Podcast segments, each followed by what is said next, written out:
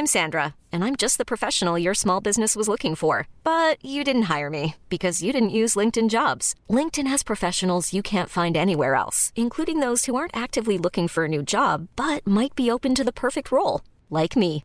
In a given month, over 70% of LinkedIn users don't visit other leading job sites. So if you're not looking on LinkedIn, you'll miss out on great candidates like Sandra. Start hiring professionals like a professional. Post your free job on linkedin.com/achieve slash achieve today. Wow. Nice. Yeah. What you're hearing are the sounds of people everywhere putting on Bombas socks, underwear, and t-shirts made from absurdly soft materials that feel like plush clouds. Yeah, that plush. And the best part? For every item you purchase, Bombas donates another to someone facing homelessness. Bombas. Big comfort for everyone. Go to bombas.com slash ACAST and use code ACAST for 20% off your first purchase. That's bombas.com slash ACAST. Code ACAST. But beyond my, my intellect, I'm a dinosaur. I'm an absolute dinosaur. But what I am, I'm a winner.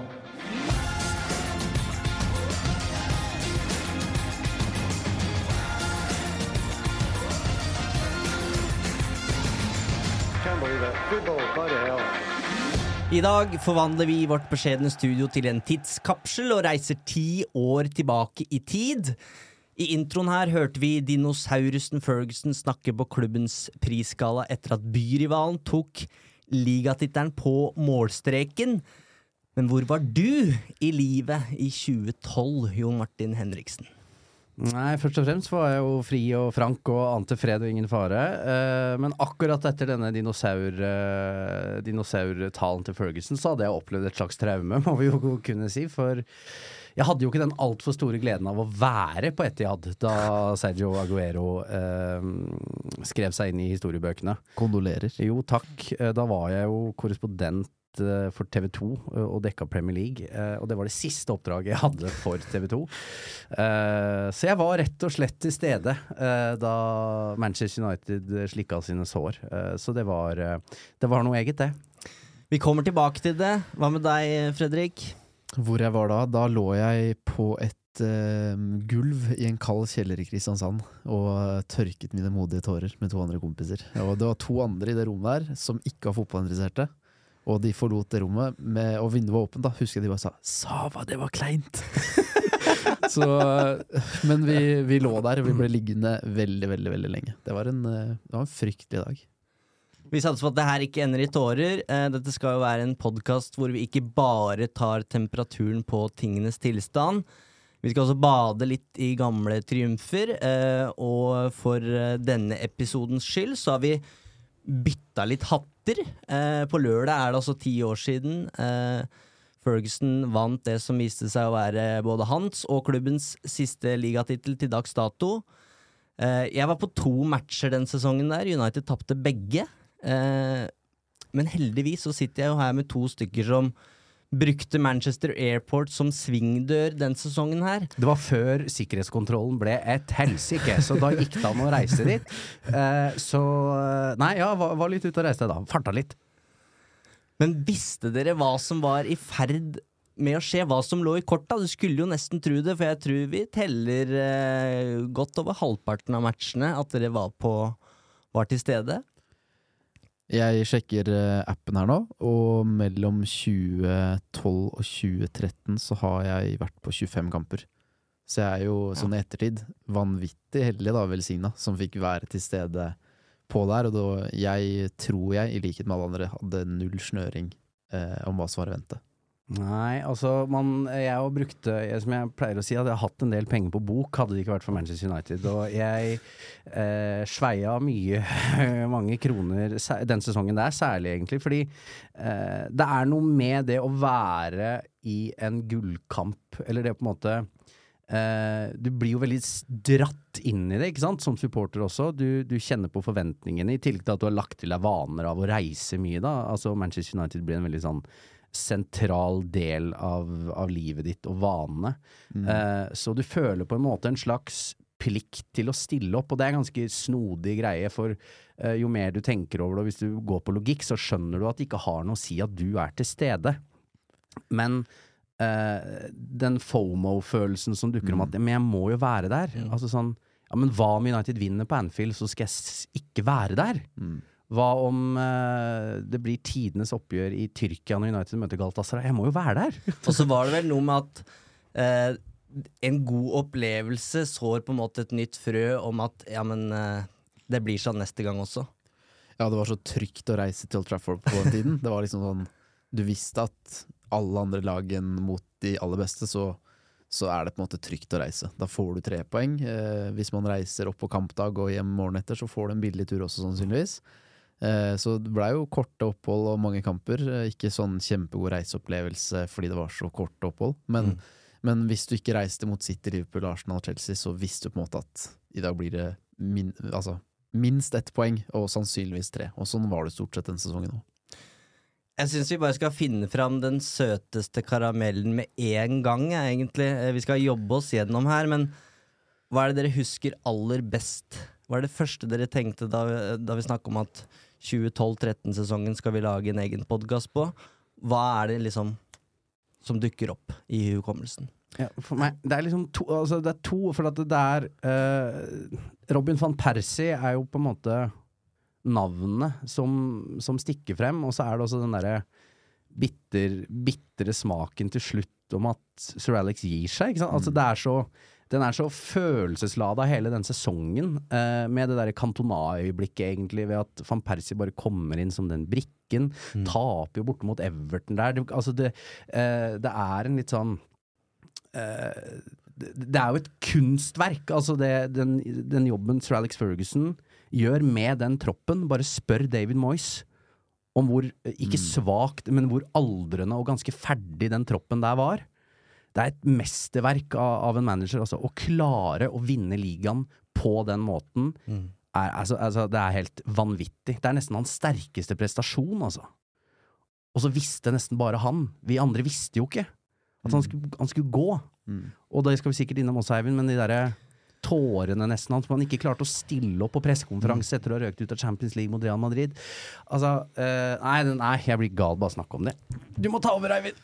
Ja, nei, eh, umulig å komme utenom eh, van Persie her. Og jeg var jo på Etiad da han setter inn 3-2 på overtid. Ehm, og eh, den, eh, den volleyen mot Aston Villa når de sikrer ligagullet, den er også et sånt øyeblikk som De gås gåsehud bare tanken, bare tanken på det. Og så kan man sitte og le av at den hadde blitt tatt av VAR den dag i dag, men uh, 2013, fine tider. Da har vi kjørt en liten trailer på den Hollywood-filmen vi skal gjennom.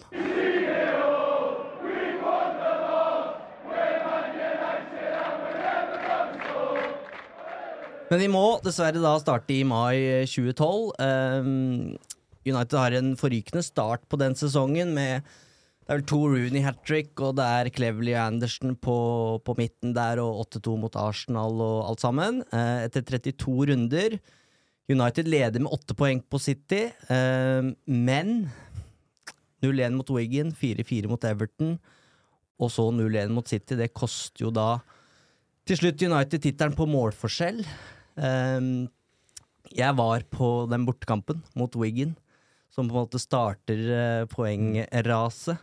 Og vi ante jo ikke hva vi hadde i vente. Eh, det var åtte poeng, det var så trygt på den, eh, på den tida der. Eh, Ja, det var det. Og jeg var jo da som sagt TV 2-korrespondent og var jo på alle disse her, ikke sant. Eh, men det er én match vi må ta først Ja. i den sesongen. Fordi jeg hadde fri én match, og det var Blackburn borte. Så den kunne jeg dra på som supporter. Eh, og for de som, Nå er det jo lenge siden Blackburn har vært i Premier League, men det er ingen bortekamp i verden som jeg syns er fetere enn Blackburn borte. Altså Du får hele kortsiden bak mål. Det er et 7000-8000 United-fans. Uh, en sånn diger bortepub rett ved siden av Fernhurst, eller hva den heter, som bare uh, totalt fylles. Det regna, det var mørkt, det var kveldskamp. Antonio Valencia noe greier, skårer. Og alle er bare sikre at nå Nå har United vunnet ligaen. Dette der var en sånn potensiell ekkel greie. Eh, det var en sånn superstemning, we're gonna win the league. Uh, United hadde tatt igjen City. Altså, det var jo på en måte Det var jo rollebytter her. Altså, man uh, tenkte jo at City tidligere i sesongen Det kommer til å bli City-gull, men så begynner de å trøble litt, og så Men den kollapsen i Wiggen, den ødelegger alt. Men den 4-4 mot Everton Var det 4-4 eller 3-3? Ja, 4-4. Jeg blir forbanna bare jeg tenker på det nå. Jeg husker jeg satt på prestetribunen på Old Trafford. Denne syns jeg er tøff. Eh, Man skal være profesjonell og alt sånt, men den her, den her syns jeg var litt lei. Um, Leda 4-2, gjorde vi ikke det? Ja. Fellaini og Nei. Uh, så den, eh, den, var, eh, den var fæl. Den var fæl, eh, og uten at vi skal grave så veldig mye mer i det, så, så skjer jo det som skjer, og United taper tittelen eh, når Aguero avgjør mot eh, QPR, og du var jo der også, eh, Jon Martin. Mm. En litt spesiell eh, pressekonferanse for en eh, United-supporter. Ja, for at eh, det er jo så enkelt som at mange beskylder jo Øyvind Alsaker fordi han er Liverpool-fan, så bør ikke han kommentere Liverpool-Manchester United og sånn, og på, sånt er jeg jo dypt uenig i. Fordi det er jo en gang sånn at man gjør jo en jobb, uh, og man er profesjonell, så hele opplegget uh, sitter ikke igjen som noe sånn stort traume for meg. Men eh, når alt er over, og det er pressekonferanse etterpå, og Roberto Mancini og Winston Company kommer inn med Premier League-trofé og deler ut champagne til alle journalistene i salen, da kjente jeg at nå vil jeg hjem. Uh, nå er jeg ferdig. Eh, nå må jeg komme meg bort herfra. Vi skulle ha en avslutningsmiddag med hele TV 2-gjengen, en hes Øyvind Alsaker, eh, og jeg sa bare sorry, jeg drar tilbake til London. jeg, jeg orker ikke å være her. Jeg må bare vekk fra dette åstedet. For det, det er klart det var uh, Man føler seg jo privilegert som har vært med på store hendelser i fotballhistorien, men akkurat den der kunne jeg vært foruten. Lenger nord så slår jo United uh, Sunderland, uh, om å vente da uh, de Er det sekunder, eller er det minutter? på- Tre-fire minutter, eller ja. er det ikke Det det? er såpass, ja. Jeg tror, Ja. jeg tror liksom at jeg sitter i en kjellerstua i Kristiansand og skrur over på City-matchen hvor det er spilt sånn Jeg tror vi liksom rekker å bytte over når utligninga kommer, Mm. og da er det fortsatt tre-fire-fem nervepirreminutter enn mistenker jeg at det er, altså. Men i spillebussen der så gjør jo Ferguson eh, det grepet eh, som egentlig er startskuddet for 2012-13-sesongen. Eh, remember this feeling and never let it happen again. Ja, og det er jo der han var helt unik, ikke sant? Uh, både hvordan takle, uh, håndtere seier og triumfer og trofeer, i tillegg til å hvordan man skulle håndtere eh, sånne nedturer. Du har jo den også når United uh, ryker ligagullet på 90-tallet på, på Anfield, uh, hvor uh, Ryan Giggs skriver en autograf og, eh, til en Liverpool-fan som bare river i stykker arket foran trynet på han etterpå. Eh, det er jo på en måte å bruke de der øyeblikkene til noe fornuftig, da, og til motivasjon. Uh, og uh, da er det et eh, skada, såra dyr som lukter blod, da, som er klar for en ny sesong. United mot eh, resten av eh, verden, og hvordan forbedrer du målforskjellen? Jo, du signerer jo da ligaens toppskårer, eh, Fredrik. Hva tenkte du? Husker du hvor du var da Robin veldig- van Persie-overgangen var et faktum? Husker veldig godt hvor jeg var. Var på ferie i Italia med storebror og fetteren min. Og det var tre gutter med gåsehud rundt bordet. Kom, det noen tårer da òg? Ikke noen tårer da, men det kom med gåsehud. Eh, det er et sånt øyeblikk når man eh, På den tida tror jeg ikke det var sånn eh, veldig mye app-varsel. Altså det var ikke push-varsel og sånn på den tida, for min del i hvert fall, men det var inn på kom og få bekreftelsen via Twitter, tror jeg. Og det er et sånt øyeblikk man bare Det, det glemmer jeg ikke. Hadde du meldt overgang til VG på det tidspunktet her, eh, Jon Martin? Da hadde jeg blitt eh, lojal til verdens gang, ja. Eh, så jeg husker at jeg gikk ut og drakk pils. Du feira rett og slett. Jeg gikk ned på Parkteatret, og det er noe med fotballspillere du Du veit er gode, men du skjønner ikke hvor gode de er før Mm. du har de selv, på en Mm. måte. Det derre steget, det derre skuddet uh, Nei, han er fantastisk, altså. Og han blir jo den store drivkraften i, i det ligagullet her, som du eh, sier, Jon Martin. Så er det på en måte van Persie og Ferguson vi, som spiller hovedrollene her. Mm. Eh, er vel litt sånn skranten fra sesonginnledninga der, og starter jo ikke den første matchen mot, mot Everton, men skårer i første match eh, fra start, da, mot Fulham, og så er det hat trick i andre match mot Southampton, avgjør med straffe på Anfield, og skårer mot uh, både Chelsea, Arsenal og i den City-matchen. Nå har jeg et manus her med mange notater, det er mange matcher. Dere kan egentlig bare stoppe der dere vil, eh, og fortelle de historiene dere ønsker. Um, men du vil jo kanskje begynne med den første matchen, eh, Fredrik. For der var det vel en Everton-spiller du fikk eh, øya opp for, var det ikke det? Åh, i. Han skulle jeg hatt United, skjønner du. Skulle du det, du? Den, ja, ja. Det jeg feira jo med, jeg jo med litt Baileys jeg, når han ble signert på Dead Monday. Det, det, sier jo, det sier jo veldig mye om meg. Det sier Ja, det veldig mye om uh, Ja. ja. Men uh, nei, han var helt enorm mot United på uh, Han var jo alltid enorm mot United i de matchene der, men eh, 0-1 på Anfield Nei, på Goodison. Det var en, det var en trå start. Men Det var det, og så presenterer jo van Persie seg med den uh, scoringen mot Fulham, som på en måte viser en del av pakka hans, da. hvor lett han får den, den scoringen til å se ut, som Ja. er så vanskelig.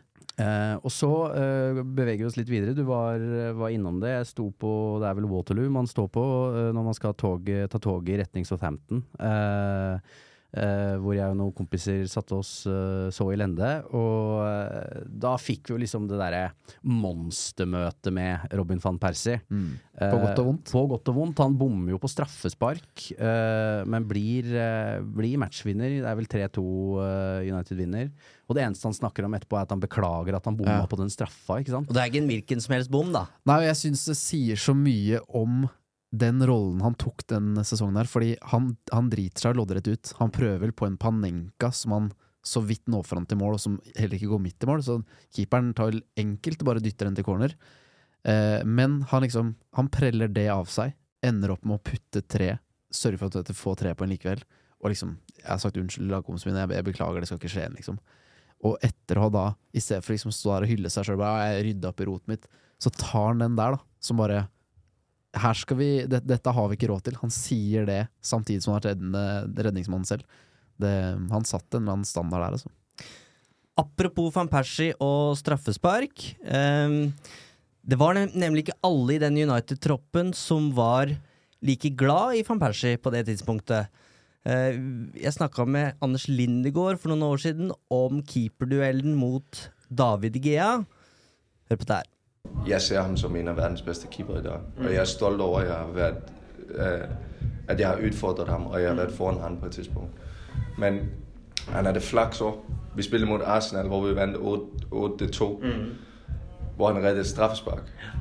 Hvor øh, han lukker inn to dårlige mål, som jeg så det. Og så redder han straffespark for Robin van Persie. Dårlig spark av straffespark. Jeg har aldri tilgitt Robin for det straffespark. Han sier også i det intervjuet at det ligagullet betyr faktisk ikke så mye for, uh, for Lindegård. Uh, Cupgull med Ålesund betydde mer for han uh, i, den, i, hans, i hans karriere. Uh, men jeg tror det betydde veldig mye for, for Robin van Persie, naturligvis. Og vi kan også nevne at han er ikke den eneste som kommer inn. Det er jo et vindu med, med Kagawa, som kommer fra Dortmund, Bytner og Powell. Eh, vi kan gå kjapt gjennom de spillerne som spilte mest den sesongen. Uh, det var jo Digea som sto flest matcher i mål. Lindegård fikk nok kamper og fikk da um, medalje, men som han sa i det intervjuet, at det var på en måte den sesongen han tapte kampen mot Digea, så derfor så betydde ikke det uh, 12-13-gullet så mye for han, og det syns jeg er interessant når du snakker om en så historisk ligatittel, Mm. at en en eh, danske faktisk ikke opplevde at det var så stort. Og litt snodig, men også med tanke på hans karriere i ettertid, så hadde vel jeg personlig klappa meg litt på skuldra og tenkte at her bidro jeg til et ligagull. Mm. Uh, og så er jeg personlig også veldig glad i Kjetil Rekdal, så jeg skjønner at det er stas å vinne cupgull sammen med han, men Uh, jeg syns nok han skal kunne være småstolt av hva han fikk til der, altså, for han var absolutt en bra keeper. Han var det. Og uh, apropos Lindor, et helt fantastisk intervjuvekt òg. Så Ja, han er nydelig. ærlig, Nydelig mann. så- Veldig reflektert. Veldig, og så åpen og ærlig og tydelig, som du hører i det intervjuet ditt. Jeg snakka også med en uh, preseason 2011-2012, i forkant, hvor keeperkampen tilsynelatende var helt åpen. da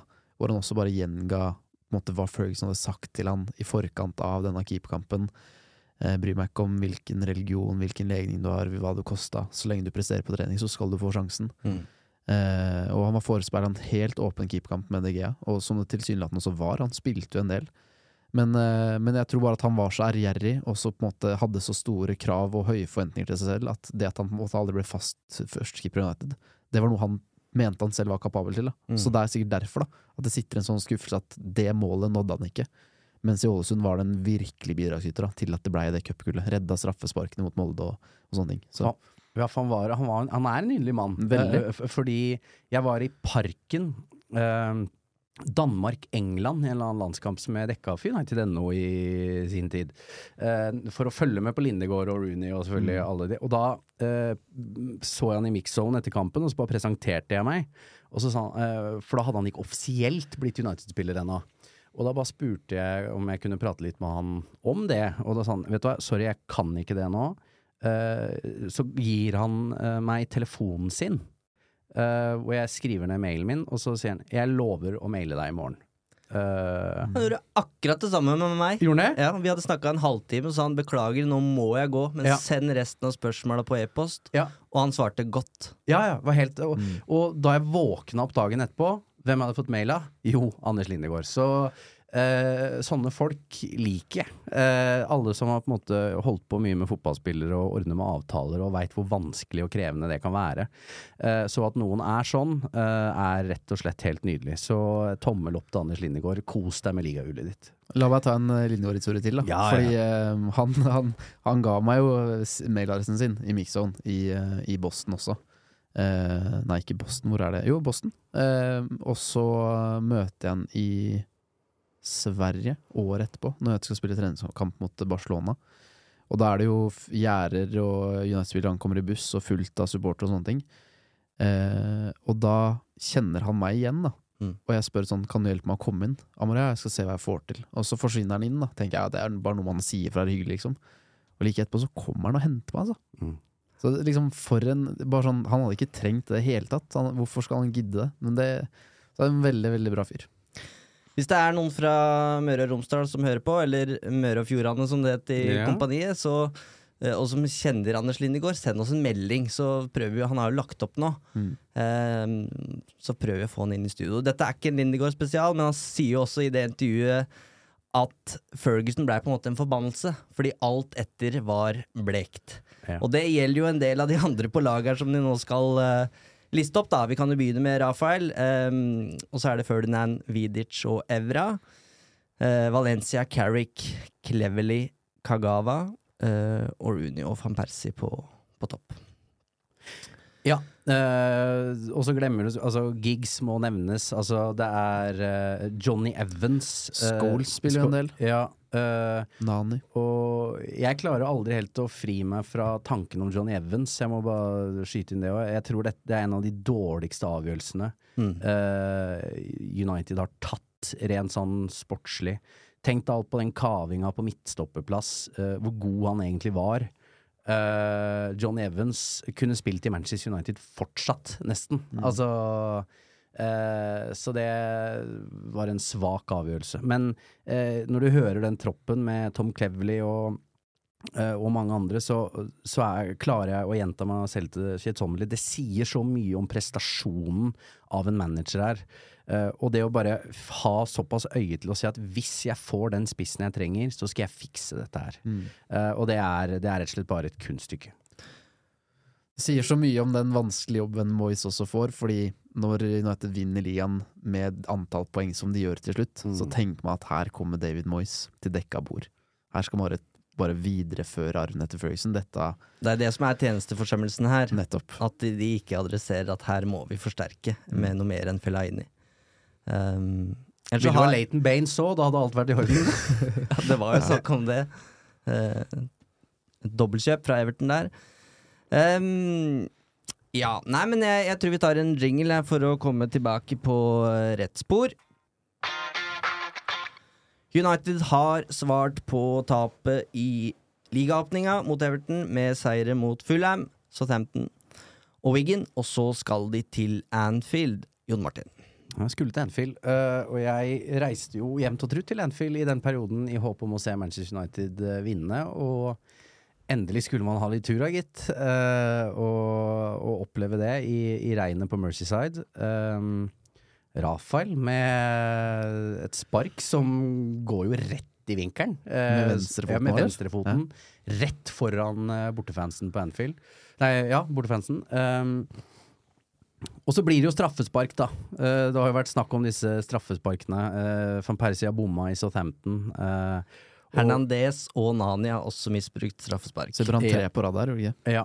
uh, og så trapper han da opp, skritter opp på Anfield Robin van Persie, og det er vel en keeper som er borti òg, Ja. om jeg ikke husker helt feil. Helt riktig. Uh, men han scorer. Og jeg må si av, eh, hvis man tar bort alt av familie og sånne ting, av ren øyeblikkslykke, så har jeg ikke klart å finne noe jeg syns oppleves som mer tilfredsstillende enn å vinne fotballkamper akkurat der.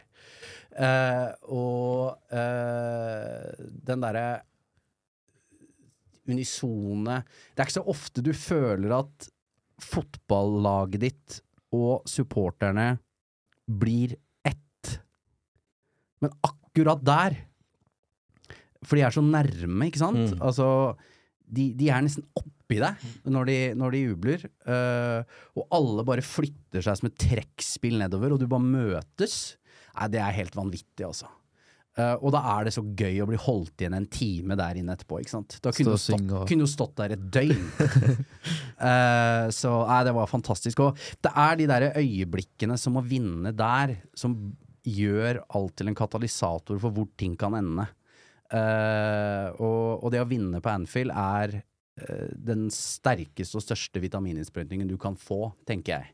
Eh, og det var jo en periode hvor United streva forferdelig der.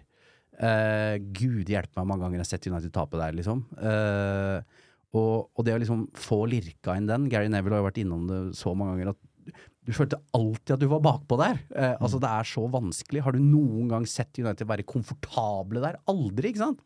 Eh, men eh, nei, en fantastisk eh, dag eh, in my mercy paradise. Var ikke det også den matchen, Neivind, hvor eh, Liverpool blir redusert til ti mann, og så utligner de? Så tror jeg liksom Ferguson blir intervjuet etter match med Hva sa du til gutta i pausen? Så sier han til reporteren Jeg tror det er etter matchen her. Eh, det, det vil du ikke vite. Jo, det vil jeg sa reporteren. Og så bare Jeg sa, jeg sa at jeg var skuffa. Ja. Um, og så snur hun etter den matchen, Uh, eller så vinner de to igjen, da. Jeg tror det er den matchen, Eivind.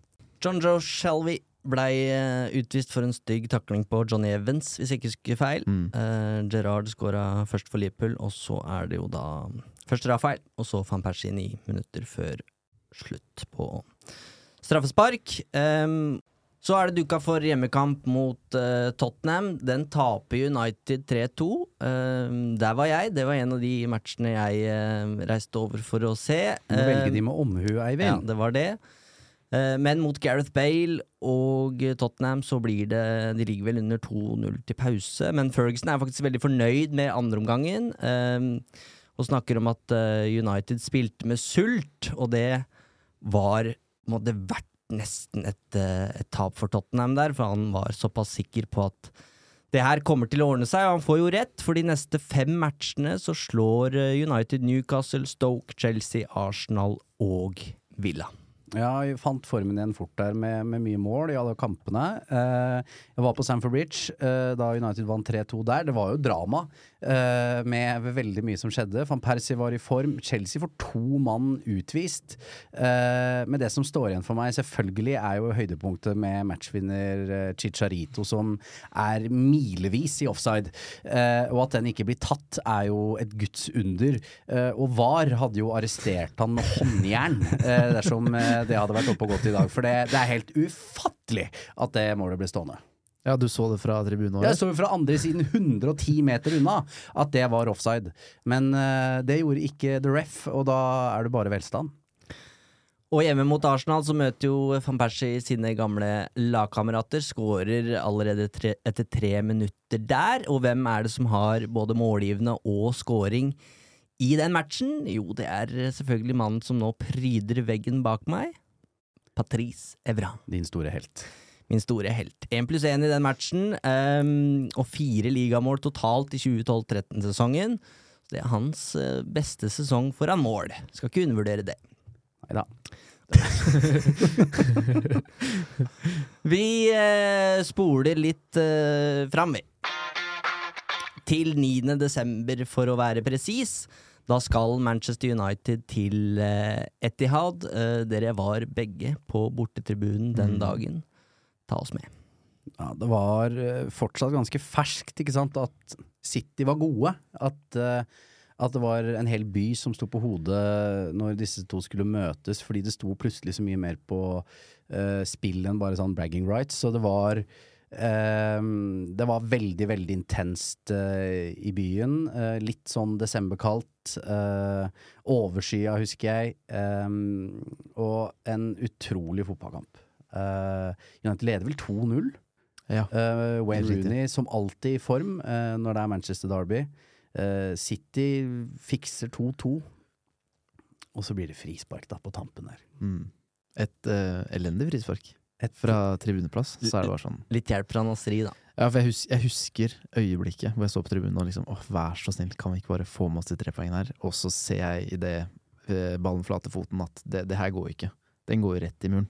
Nei, og det er noen øyeblikk hvor tiden liksom står stille, Mm. uh, og du skjønner ikke at ballen skal inn. Uh, Van Persie skjønner vel ikke med en gang. Han må jo se Han rundt muren, Ja, så han ja. får det med seg seint, Ja. på en måte, da. Eller i hvert fall et halvt sekund seinere enn alle andre. Og det tar liksom det derre uh, nanosekundene Mm. eh, før alle forstår hva som har skjedd. Og etter det så er det jo, går jo egentlig bare alt i svart. Fordi Helt kaos. det var helt totalt kaos. Uh, og husker Rio Ferdinand som jubel... Altså Han blør jo fra øyet, for han Ja, får en mynt fra Ja, City-fansen. ja, ja. Men han uh, sto der som en, liksom en kriger. Mm. Nei, for noen scener, altså. Here he goes. And it's in by the deflection. What a derby debut. There's every chance he's won it for Manchester United. Det var, det var jo noen Manchester Derby i den perioden der. Jeg var heldig å være på stort sett alle. Det med Michael Oven, eh, de Liga Cup-semifinalene som var helt hinsides all fornuft. Eh, og Michael Oven mm, kontra den van Persie-skåringa her. ja, Det blir jo litt som å velge mellom sine barn, eh, men eh, Mike, altså Den med Michael Owen er så uh, sjuk at den er et hestehode foran for meg. Men uh, det å på en måte vinne på Etihad der, uh, med den derre Så mektig Robin van Persie var på den tiden uh, Nei, det, var, det er en av de Når jeg skal gjøre opp regnskapet en dag, så er den høyt oppe på lista. Men det er noe med bortematcher eh, som er eh, ekstra gjevt for, eh, for de som har vært der, for å si det på denne måten. Og United-fansen har jo et godt rykte på bortebane. Hva er det som gjør det så spesielt å, å være der? For det er, det er rett og slett supportere som syns det er mer gøy på borte, bortekamp med United enn å sitte på Old Trafford.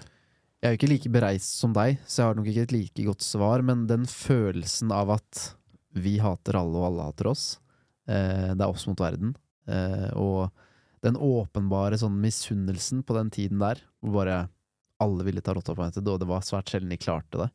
Og etter matchen mot City på Etihad, så eh, det hagla med mynter på tribunen også mot oss. Jeg fikk en under øyet sjøl, slapp unna blod. Eh, jeg var på kampen med Dag Langerød.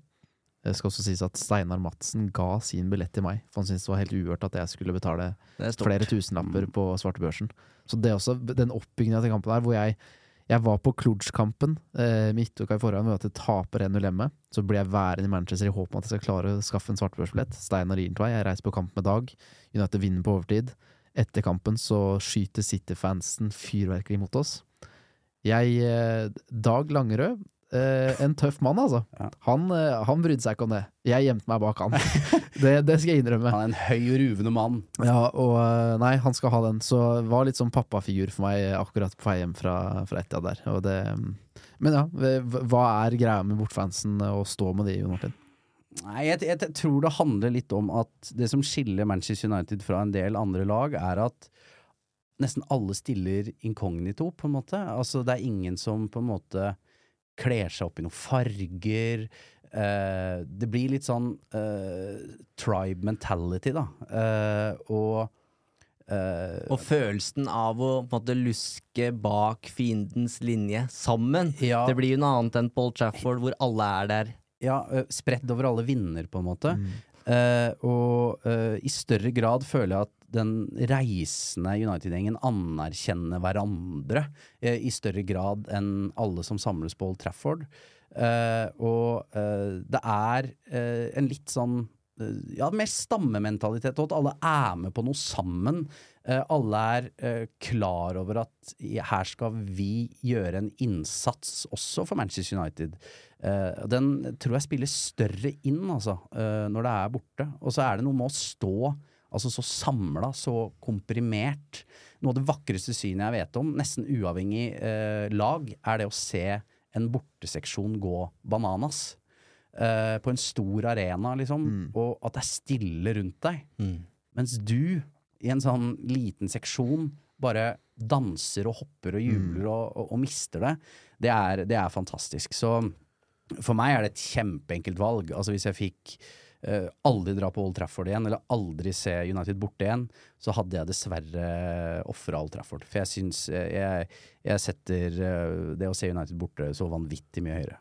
Jeg skal ikke, sorry at jeg avbryter deg. Jeg skal ikke si at det ikke skjer hos andre lag og klubber at tidligere spillere, eller til og med skadde spillere eller suspenderte spillere, står med bortfansen. Men det er en veldig typisk greie blant United sine nåværende og tidligere spillere, at man står med bortfansen. Og jeg tror ikke det er tilfeldig, da. Jeg tror det er en opplevelse de også ser at dette vil jeg ikke gå glipp av. Det som jeg har opplevd når jeg har vært utmatta og hørt bak meg eller foran meg, det skal jeg være en del av en dag. Og det, det skjer jo til stadighet. Vært på Burnley borte med Michael Carrick, Kay Eh, og han sang og greier, han. Han var klar. Og det er også kult med det der. Det er at alle syns det er kult at en United-spiller er der, men de får på en måte være i fred også. Eh, det er liksom uh, Ok, nå er du en av oss. Vi syns det er veldig kult at du er her. Det anerkjenner vi, men nå er det match. Og det, det syns jeg er helt nydelig. Tom, Cle eh, Tom Cleverly fortalte jo at han hadde vært eh, på bortematch nå, som Watford-spiller. Så det eh, sier jo litt. Jeg var på min første bortematch eh, i Wigan eh, den sesongen før. Um, og da skulle vi ta en av de berømte bortebussene. Um, og så skulle vi bli henta på Bishop. Og så tenkte jeg, men åssen veit han hvem vi er?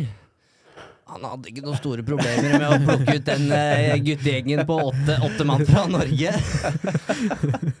Den bussturen der, vi skal ikke gå i detalj, det får bli en annen pod, men det er det sjukeste jeg har opplevd. Jeg, jeg fant ut tidlig at uh, de bussene er ikke noe for meg. Eh, jeg, etter det har jeg sverga til tog. Eh, jeg, ikke, ikke et vondt ord om de som følger Manchester United borte, men jeg tar toget. Vi ante ikke hva vi gikk til. Det Det er vandre- kultursjokk. Ja, ja, det er som å vandre inn i en zoologisk hage.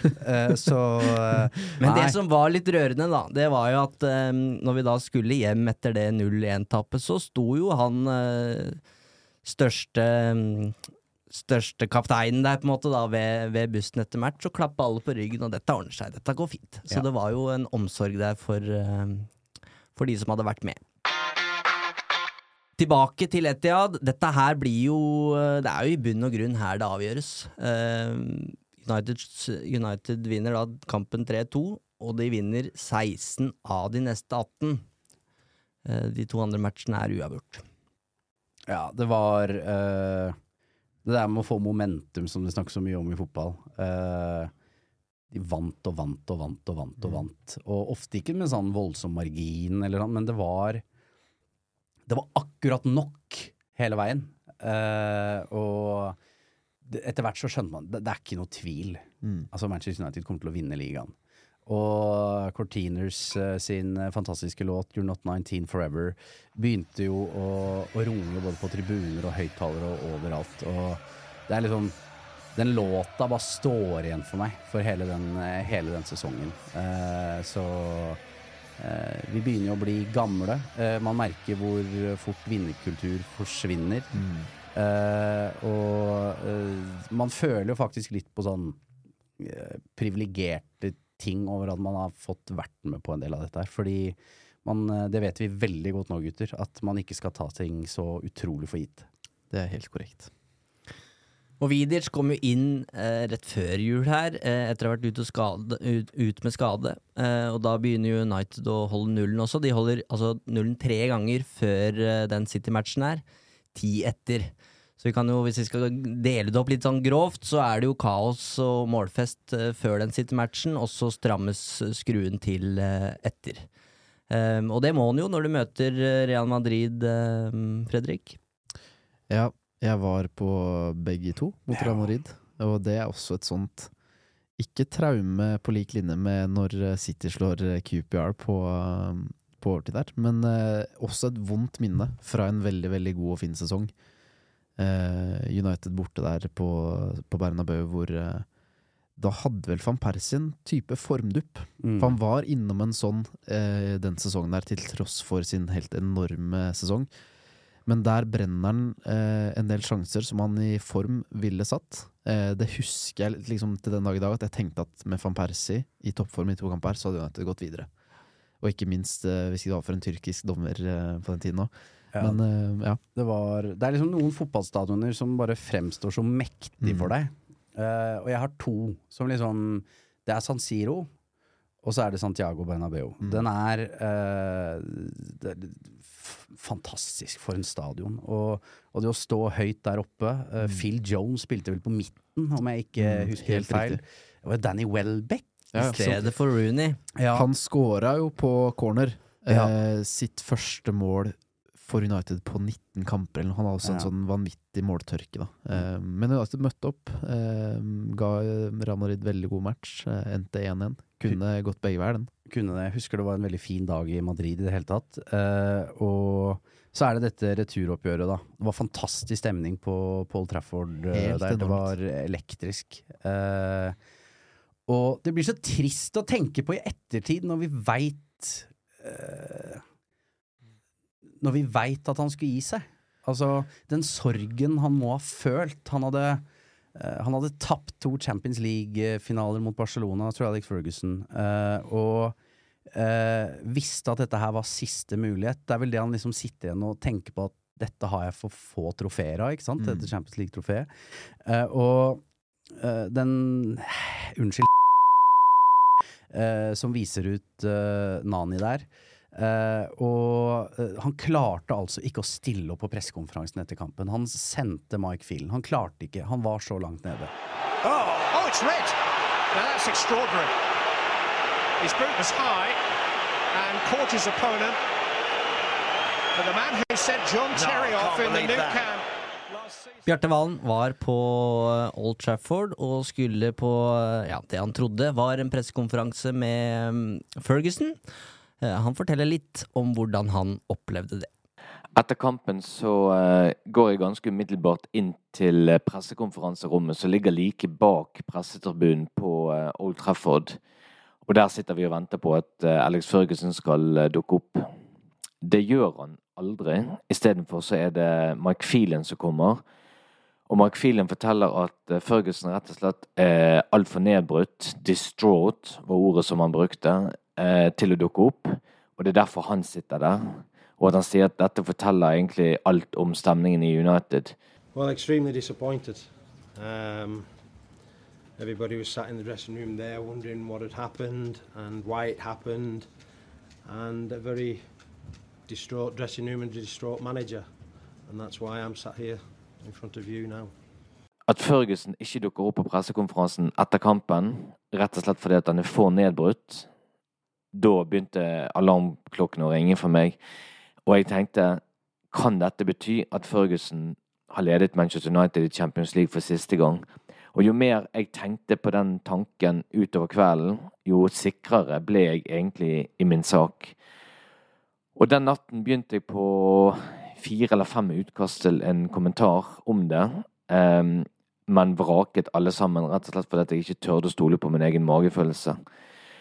Og det er den største feilvurderingen jeg har gjort som journalist i United.no og United-supporteren, og sannsynligvis den største feilvurderingen jeg kommer til å gjøre. Og det er en feilvurdering som irriterer meg den dag i dag. For der hadde jeg egentlig alt rett i mine antakelser, men ble rett og slett for forsiktig. Jeg vil ikke nødvendigvis si feig, men jeg stolte rett og slett ikke nok på min egen magefølelse, og det var en stygg feil. I ligaen så er det jo fortsatt mye moro som gjenstår. Vi eh, kan jo velge å vrake her. Eh, Dere kan gripe tak i det dere ønsker. Eh, Rafael med en rakett mot QPR. Kagawa hat trick mot Norwich. Den må vi snakke om. Den må vi faktisk snakke litt om, for jeg syns det er et av de villeste hat trickene jeg har sett. Jeg syns det er uh, hvor lekent og iskaldt det hat tricket der er. Og uh, jeg syns også at etter å ha sett den sesongen på nytt, eh, så trodde jeg at på en måte Kagawa skuffa mye mer enn det han gjør når man ser høydepunktene. Hvor eh, mye Ja, man blir jo uh, fort lurt, da. Men eh, Selvfølgelig, men han er involvert i overraskende Altså, Han kom jo fra Dortmund med noen helt enorme tall som vi visste at han ikke kom til å matche, men vi håpa at han i hvert fall gir oss en tredjedel av det. Og jeg tror han er i nærheten av noe sånt. Men den, det hat tricket der, hvor han det, Det er noe med touchen. Nå skal jeg ikke dra det for langt, men det er jo noe med hvordan Messi sparker en ball som bare er eh, annerledes. Og det er litt sånn med Kagawa òg, spesielt på den første, hvor han bare venter ut keeper og en forsvarsspiller, vel, og de sklir feil vei, og han liksom så vidt toucher ballen. Han det er nusser sånn ballen inn i mål.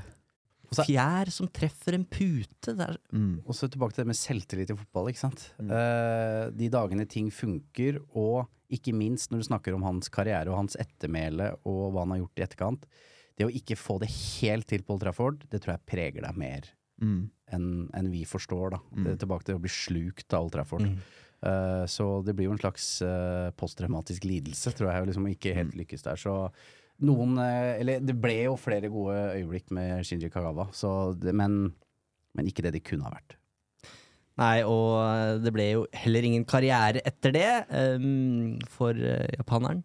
Du snakka om uh, måltørke og van Persie, Fredrik, for det er verdt å huske at han eh, Det var ikke, det var ikke scoring hver eneste helg fra august til mai. Um, men når det løsner Det er vel egentlig bare fem ligamatcher han har gått uten scoring her, da. Var i Stoke, var det ikke det? Var i Stoke. Og, og da løper han jo rett bort til Helt Ferguson. Eh, sånn bamseklem. Mm. Eh, så eh, det var utrolig viktig. Og, og det at han kom i gang igjen da, det var på en måte tryggheten. Mm. Altså, det var jo det som, som fiksa det. Men det er én match jeg husker, nå hopper jo jeg litt eh, sikkert, Eivind, men uh, det kom jo et Manchester-derby der. Eh, og da dro jeg på Fredrik har snakka om disse berømte døgnturene. Uh, hvor man tar et morgenfly. Jeg tok det til London. Tog, uh, tog til Manchester. Not 19 Forever over høyttaleren. Nå Mm. skulle det bare fikses, Mm. egentlig. Og jeg husker jeg var så rasende. Satt høyt oppi den der quadranten og var rasende for at det var så dårlig, og jeg var forbanna og fikk jo litt den derre angsten fra den sesongen i forveien. Skal dere liksom kødde til dette her igjen? Mm. Eh, men eh, det var jo i grunn og bunn og grunn ingen fare. Ja, for jeg var der, jeg òg. Husker, husker det på samme måte som deg. Og så den derre gufset fra fortiden, da. Med at liksom å nei, nå skal vi rote til igjen. Men jeg tror samtidig at det hadde en ledelse på ni eller tolv poeng også etter den kampen der. De, Eh. eh, de leder fortsatt med tolv poeng, selv om de Mm. taper den kampen 2-1. Så altså, Den største nedturen var på en måte at vinner vi i dag, så kan vi nesten feire ligagullet her og nå Mm. mot City. Foran de. Foran de, ja. Eh, det hadde vært den ultimate revansjen, men eh, det endte jo lykkelig likevel, da. Ja, eh, for dette var 8. april, og 22. april er det hjemmekamp mot eh, Aston Villa, og det er jo en eh, ja, nederlandsk fest fra start til slutt. Perfect start for Manchester United. Robin van Persie scores in the opening 90 seconds, and United's grip on the Premier League title has just got even firmer. Smart run again, and what a ball to pick him out, and what a finish! A magnificent goal by Robin van Persie. Well, it's, it's a privilege to be here tonight to see that goal. and picks out Van Persie to complete his hat trick, which he duly does. It's taken 33 minutes for him, and surely 33 minutes for United to become champions. Den hadde jo blitt avblåst uh, i dag. Sannsynligvis. Eh, Mm. sannsynligvis. Men den derre Jeg vet ikke hva jeg skal si om det. Nei. Nei, du Ta det du, Fredrik. For det er, det er altså så vakkert. Ja, jeg husker at jeg sitter, eh, sitter hjemme hos en kompis med pappaen hans og ser denne kampen her, og eh, hva vi gjør i sekundet etter scoring jeg, jeg tror faktisk at vi sitter bare helt rolig i stolen vår, bare hva, hva skjedde nå? Mm. Det er ikke en sånn det, Jeg tror ikke det var en sånn at jeg spratt opp fra sofaen-opplevelse og feira. Det var bare sånn Det var så vakkert at dette vil jeg bare sitte og bare nyte. I ro og fred. Men van Persie jubla og hoppa. Fordi og han, han. han skjønte også at han hadde ja, gjort noe spesielt her. For det var, nei, det var helt, helt Jeg bodde i et skikkelig guttekollektiv på den tida, og vi satt ikke stille. Nei. Akkurat sånn det skal være der, Vin. Men um, For meg så er det to ting også som, som jeg syns er verdt å nevne. Det ene er at det er Rooney som slår uh, pasningen. Og det symbol symboliserer litt rollefordelinga den, den sesongen, for Mm. Rooney hadde jo da hatt uh, sin beste sesong, egentlig, sesongen før, med 34 skåringer totalt. Uh, den sesongen her så ender han jo på 12 beskjedne 12 ligaskåringer, da. Uh, så han spiller jo en beskjeden rolle, mens målet for meg, det, det er så definisjonen av van Persie som du får det. Mm. Eh, Ja, det definerer Rooney også. Hvilken, hvilken gave av en fotballspiller han var. Hvor begavet han var. Det var liksom snakk om at ja, ja, når han er ikke lenger holder eh, nivået på topp, så flytter vi bare det på sentral, og så har vi en ny Scholes. Så enkelt var det regnestykket, trodde i hvert fall jeg, da. Mm. Uh, nei, og han kommer totalt i skyggen av van Persie denne sesongen der. Uh, Og det men- likte han jo egentlig ikke så godt. Nei, men Altså, han, han, jeg syns han takla det så bra. Jeg tipper han hata det, men utad så virka det som at greit, dette er van Persie sin sesong, og jeg, jeg aksepterer det utad. Ja, ja, men det Ja. skal også sies at da var vi jo inne i en periode hvor det hadde vært en del greier med Wayne Rooney. Eh, han eh, ville jo bort et eh, par år i, eh, i forkant der, hvor Sir Alex Ferguson kom med sitt legendariske If you look at the field and see a cow eh, på, på en pressekonferanse. Eh, han ville jo bort etter denne, etter denne mestersesongen, når, når David Moyes var manager. Mye snakk om Chelsea. Så eh, det har nok vært med på å ødelegge ettermælet hans litt. Uh, for Wayne Rooneys Manchester United-karriere er jo Han er jo egentlig blant de største. Eh, så han, eller han skal, han skal opp uh, veldig høyt opp på en liste. Og blant jeg- de beste. Ja, blant de beste. Men for meg må jeg ærlig innrømme at uh, uh, han, hans ettermæle er noe svakere på Mm. grunn av den, den oppførselen der. Men for en gudegave han spiller. Så vil tilfeldighetene ha det til at kampen etter skal spilles på Emirates. Fy fader. Det er Når de skal stå æresvakt for Robin van Persie, altså. Det er eh, Det var på en måte vondt for alle involverte. Fordi eh, dette ville ikke Robin van Persie. Dette ville ikke Arsenal. United-fansen syntes det var gøy, da, selvfølgelig. Ja. Bare, bare så det er sagt. Men det var liksom så mye fælt ved det for han. Eh, men å komme Det var så mye symbolikk i akkurat det der. Arsen Wenger med denne lange, lange trofétørken sin. Og så kommer Robin van Persie ruslende ut på Emirates. Arsenal might not like it. They're not supposed to like it. But the guard of honor is the correct thing to do. The reception for Robin van Persie may not be, but it was perhaps as inevitable as it is hostile. Wenger's pre-match plea for a classy response from home fans has fallen on some deaf ears. Men, men det er jo selvfølgelig så at han kom jo ut sist. Ja. Eh, og det blir altså, Det kan hende at United-spilleren på en måte sier til han at eh, Dette gjør du. Det, det må du, liksom. Ja. Men det, det, bare, det er så majestetisk og kleint på en og samme tid. For det er en sånn derre Hvor skal du se hen? Skal man liksom eh, finne fram puta, eller skal man bare nyte det? Og United-fansen nøt jo selvfølgelig. Men det var nok mye altså ambivalente følelser involvert der, tror jeg, da. Jeg tror Van Persie ser ned i gresset stort sett hele veien, vil nok ikke møte noen blikk, og så er det en han opp til United-fansen Mm. når, når han er forbi gamle lagkamerater. 8. mai annonserer sir Alex Ferguson at han pensjonerer seg. And in sport, we've just heard that the Manchester United manager Sir Alex Ferguson has retired after over half a quarter of a century at the club. The 71-year-old Veldig rar dag for meg personlig, husker jeg. Fordi, eller det var jo for alle United-fans, men jeg visste det. Uh, Hvordan da? Uh, jeg fikk uh, nyss tidlig, eh, noen timer der før Mark Ogden breaker den nyheten. Eh, det viser seg jo ettertid at det var ganske mange som visste, i, i pressekorpset også, så jeg var, jeg var en del av de som visste. Uh, Jobba i VG. Uh, husker jeg marsjerte bort til en vaktsjef der og sa det er mulig jeg sitter Eller jeg sitter på en bombe, uh, som jeg sa. Uh, men eh, de syntes det var for sykt eh, at eh, en nordmann skulle breake den, så det ble ikke noe av. Hadde vært annerledes i dag. Det hadde det. Eh, det første jeg fikk vite Uh, som uh, sikkert var litt sånn klassisk viskelek, uh, endte at David Moyes skulle bli assistenten til sir Alex Ferguson. Det var det første som kom opp. Kontrakten hans med Everton var jo på vei ut. Han skulle være assistenten til sir Alex en sesong, og så skulle han overta. Det var det første jeg hørte. Ok. Men så går det noen timer før en ny telefon. He's retiring. Eh, og dette var jo før spillerne var informert. Eh, og det var jo sånn gåsehud, uh, en, en ting man visste kom til å skje på et eller annet tidspunkt, men som man har skjøvet foran seg eh, av ren fornektelse. Så For det var Han er jo 71 år på det tidspunktet her, men Ja. det var jo fortsatt Skal kanskje ikke bruke ordet sjokk, men det var jo en overraskelse. Fordi det kom Nå hadde han jo meldt det i lang tid i forkant i, i 2002, og lærte jo da selvfølgelig av det, men det kom nok veldig brått på veldig mange. Ja, og tenk deg liksom Sånn som for Robin van Persie, da, Mm. som på en måte dro til Manchester United på grunn av sir Alex Ferguson. Uh, Og han har jo sagt at Ferguson sa 'jeg skal være her i tre år til'. Ja, og, så, uh, og det tror jeg, og det har jo sir Alex sagt også, at han følte veldig, veldig på.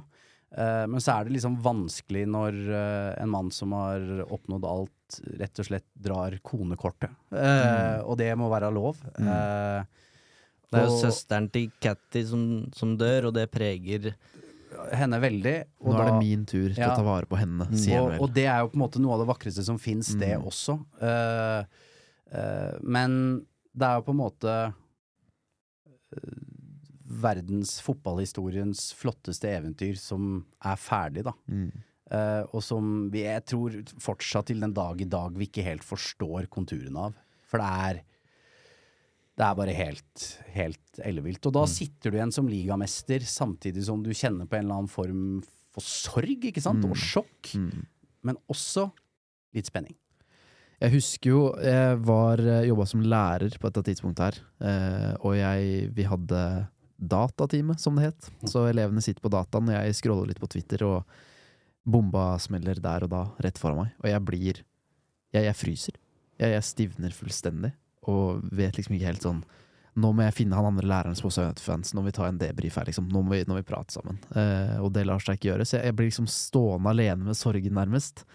Og sjokket. Og det er en veldig rar følelse. Jeg, liksom, jeg husker det så utrolig godt. Eh, og mener også har lest masse rapporter om liksom hvor, hvordan dette gikk inn på spillerne psykologisk etter at mange følte der og da, når de mottok det budskapet, at min karriere er også over. Mm. Han som har leda, bygd opp alt og ført oss hit. Nå, nå rakner det. Eh, det skal være tårer. Van Persie skal liksom ha tenkt at hæ, det, det, det er ikke dette vi prater om, som du er inne på, Eivind. Eh, utrolig rart å se tilbake på. Det ble mye spilling på eh, elevene den datatimen der. Det er helt korrekt. 38 trofeer på 27 og et halvt år. Uh, the Impossible Dream Made Possible.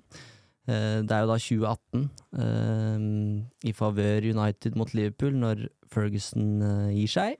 2019 i dag. Dagen etter så annonseres da David Moyes ikke som assistent, naturlig nok, men som ny United-manager. Ja, øh, og jeg tror ganske mange uh, tenkte at dette jeg, Eller det tror jeg jeg gjør den dag i dag, at jeg skjønner hva de prøvde på. Eh, og så syns jeg også totalt sett litt synd på han. Fordi han fikk arbeidsforhold og forutsetninger som var umulig. Jeg tror Dette vil vi aldri få svar på, men var han så håpløs som alle skulle ha det til? Han gjorde helt ufattelige feil til å begynne med. Eh, Han skjønte på ingen måte hvor stor klubb dette var, Nei. og fortsatte Everton-sporet. Vi kan reise dit uten å tenke sikkerhets... Da- ja, for, ja, for det er jo det svikta på helt grunnleggende Ja, ting fra start av. Det er jo når de er i Australia, eller hvor det er, det. og de skal gå denne berømte turen på stranda. Mm. uh, og så prøver vel noen av spillerne her å påpeke til David Moyes at vi kan, vi kan faktisk ikke gå på stranda. Jo, Mm. jo, jo, det har jeg gjort med Everton, sier David Moyes. Og de blir jo angrepet, ikke sant. Uh, og, Og det, det virker jo som det er en stahet der. Uh, og kardinalfeilen som veldig mange trekker fram, er jo at han ikke tar med seg Filen og Moilensten, men insisterer på å ta med sitt eget team. Ja, og det Det er veldig lett å, å si det, men han burde nok hatt noen kontinuitetsbærere i det treningsteamet. Eh, men det ble rett og slett for svært for David Moyes. Så jeg tror også du kan trekke litt paralleller til Potter hvis, med, med Chelsea nå. Det er, det er noen monster, altså. eh, å bli eh, manager, eh, særlig for Manchester United. Eh, og uh, derfor bomma det. ikke sant? Det var derfor jeg var inne på tidlig med, med José Mourinho. Han hadde ikke brydd seg noe om størrelsen på Manchester United. Han er mer enn stor nok til å håndtere den greia. Han hadde fiksa det. Han hadde den erfaringen, ikke Ja, sant? Og, uh, men det akkurat der og da, og, og så, så ser jeg tilbake på det at uh, Sir Alex tenker at her har vi det neste meg. mm. Uh, og det er også noe Det er jo helt feil, selvfølgelig, at manageren skal plukke ut det neste. Uh, og, og det sier også litt om hva, hva slags sportslig apparat Manchester United hadde rundt Men såpass, en såpass spesiell eh, Såpass spesielt i United òg, at han har vært der så lenge og er ikke bare manager, men også sportsdirektør og reiseleder og eh, så videre. Jeg skal uh, grave litt i arkivet her, Martin, for jeg, jeg mener at jeg til stadighet, når jeg prater med folk om akkurat det temaet her, så mener jeg at jeg alltid går tilbake og henviser til en artikkel du har skrevet, eller en, en kommentar, om at uh, Ferguson også er Uniteds egen verste fiende. Ja, eh, Stemmer det? Ja, det stemmer faktisk. Jeg skrev den på dagen eh, det ble klart at han skulle gi seg. Eh, jeg tror den er borte, for det var VGs gamle bloggsystem som Ja. nå ikke fins lenger. Men jeg skrev nok det at uh, Sir Alex Ferguson kan bli Uniteds største mareritt, fordi at klubben var ikke klar for å fortsette på samme måte som før. Altså, det er ingen Uh, Og jeg nevnte vel også José Mourinho den gangen, at han var den eneste der ute som kunne gå rett inn og takle dimensjonen, takle at det ikke finnes en sportsdirektør, takle eh, presset. Eh, mens for David Moyes så ble det på en måte Han, han holdt jo på å drukne fra første arbeidsdag, ikke sant. Det er jo det derre evige bildet man sitter på det kontoret sitt på Carrington med den musematta og sånn, hvor det ser egentlig ganske stusslig ut, han har et skjevt glis. Eh, det var en umenneskelig arbeidsoppgave han fikk. Manchester United burde brukt masse ressurser på å forberede seg til denne dagen. Sånn, vet du hva, den dagen Sir Alex gir seg, da skal vi være klare med en sportsdirektør. Han skal være med på å ansette den, eh, den manageren. Det var så mange feil, og det var dømt til å gå til helvete. Og det må jo også nevnes at David Gill selvfølgelig gir seg samtidig som Sir Alex Ferguson, og det var heller ingen gave til David Moyes. Absolutt ikke. Eh, Så han fikk jo inn Ed Woodward som på, en måte, på sett og vis var på like dypt vann, da. Eh, og hadde ingen forutsetninger for å kjøpe fotballspillere, blant annet. Og forlot jo en treningsleir på sommeren der for å prøve å hente Fabregas, eller hvem pokker det var. Men det ble jo da til slutt bare Marwan Fellaini. Gi meg en Baileys, da. Mm. Ferguson takkes av eh, hjemme mot eh, Swansea. Eh, Ferdinand matchvinner eh, i den matchen der. Eh, stand by your new manager er eh, budskapet fra skotten. Det er over 100 000 i, i gatene i Manchester som feirer ligagull. Husker bare to ting fra den kampen. Det er at Rio kliner den inn, og Mm. at Ferguson holder tale. Det er liksom det eneste jeg husker. Og resten er liksom litt sånn irrelevant. It's a thank you to Manchester United, not just the directors, not just the medical staff, the coaching staff, the players, the supporters. It's all of you. You have been the most fantastic experience of my life. Thank you. When we had bad times here, the club stood by me. All my staff stood by me. The players stood by me. Your job now is to stand by our new manager. I just want to say thank you once again from all the, from all the Ferguson family. They're all up there. 11 grandchildren. Thank you. Thank you. Det er én fest igjen å snakke om. 5-5 i eh, Fergusons Det er ikke noe siste fest, match. du, Eivind. Ja, jeg var så forbanna. Målfest var det jo. Ja, målfest var det, målfest. Men jeg var så forbanna. For, for meg var det en sånn Nå skal Ferguson få en verdig avskjed. Eh, og United leder vel til og med 5-2 på et tidspunkt, mener jeg å huske. Ja, jeg eh, som trofast bortesupporter, da, så plukka jo jeg ut den istedenfor den Swansea-kampen og dro til uh, The Hawthorns. Eh, det var fantastisk vær. Eh, nydelig maidag, ligamester. Du visste at dette er aller, aller siste gang du skal få se Sir Alex Ferguson eh, på benken. Fin på puben i forkant. Come on David Moyes-sangen var allerede i gang. Ja. Play Like Fergus Boys. Det viste seg jo ikke å stemme, men det er en annen sak. Jeg husker ikke så mye av matchen. Jeg husker bare at det var mål hele tida. Jeg tror Lukaku skårer hat trick. Det er helt riktig. Han skårer hat trick. Eh, men det var etterpå. Altså, kampen er noe greit, men det var bare det derre eh, Jeg husker så godt at når det er ferdig, så skal liksom alle gå og uh, takke bortefansen, og det er jo en helt sånn insane stemning, og alle folk står og gråter. veldig, veldig spesielt. Men Stralix vil liksom ikke gå fram.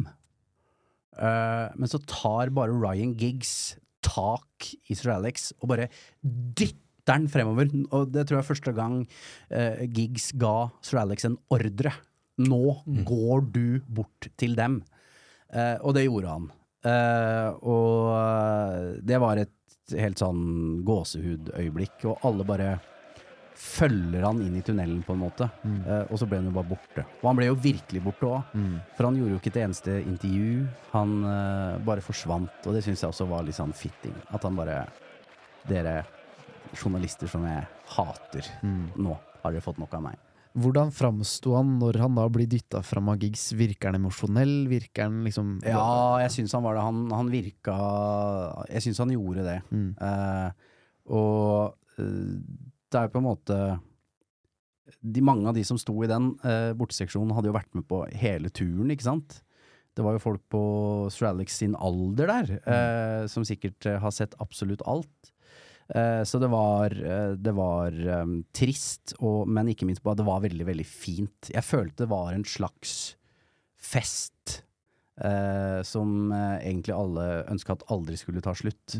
Men da han på en måte Han gikk jo bokstavelig talt inn i solnedgangen eh, på The Hawthorns der, så det var Nei, det var en fantastisk opplevelse. Sir Alex Ferguson's glorious trophy-laden career comes to an end. 1,500 games as United manager, 38 trophies, a lifetime of memories, and what a way to end with a five-all draw. Vi lar Ferguson ri inn i solnedgangen. Det er på en måte Hollywood-filmen vår om van Persie og, og Ferguson ferdig. Eh, men det skulle jo vært flere. Toeren og treeren kom liksom aldri. Eh, jeg gleder meg til neste spesial om 2013-14-sesongen, for da hadde jeg sesongkort. Ja. Jeg, vet du jeg kommer igjen. Jeg, var, øh, jeg har mye grums, øh, grums fra den, altså. Eh, Jeg kan snakke lenge og vel om Olympiakos borte, jeg. Tungt. Bra. Jeg syns vi skal gjøre flere av de eh, spesialene her. Det er eh, gøy å se litt tilbake også. Eh, håper dere som hørte på, syns det var greit. Hvis ikke, så får dere gi beskjed. Um, Og ikke minst, er det noe dere, et spesielt tema dere vil at vi skal snakke om? Gi lyd. Absolutt. Eh, gi oss lyd hvis dere vil ha en spesial på Patrice Evra, for eksempel. Eller noe annet. Da. Det- Helst det, kanskje. Ja. Abonner, og følg oss på Instagram på gjensyn.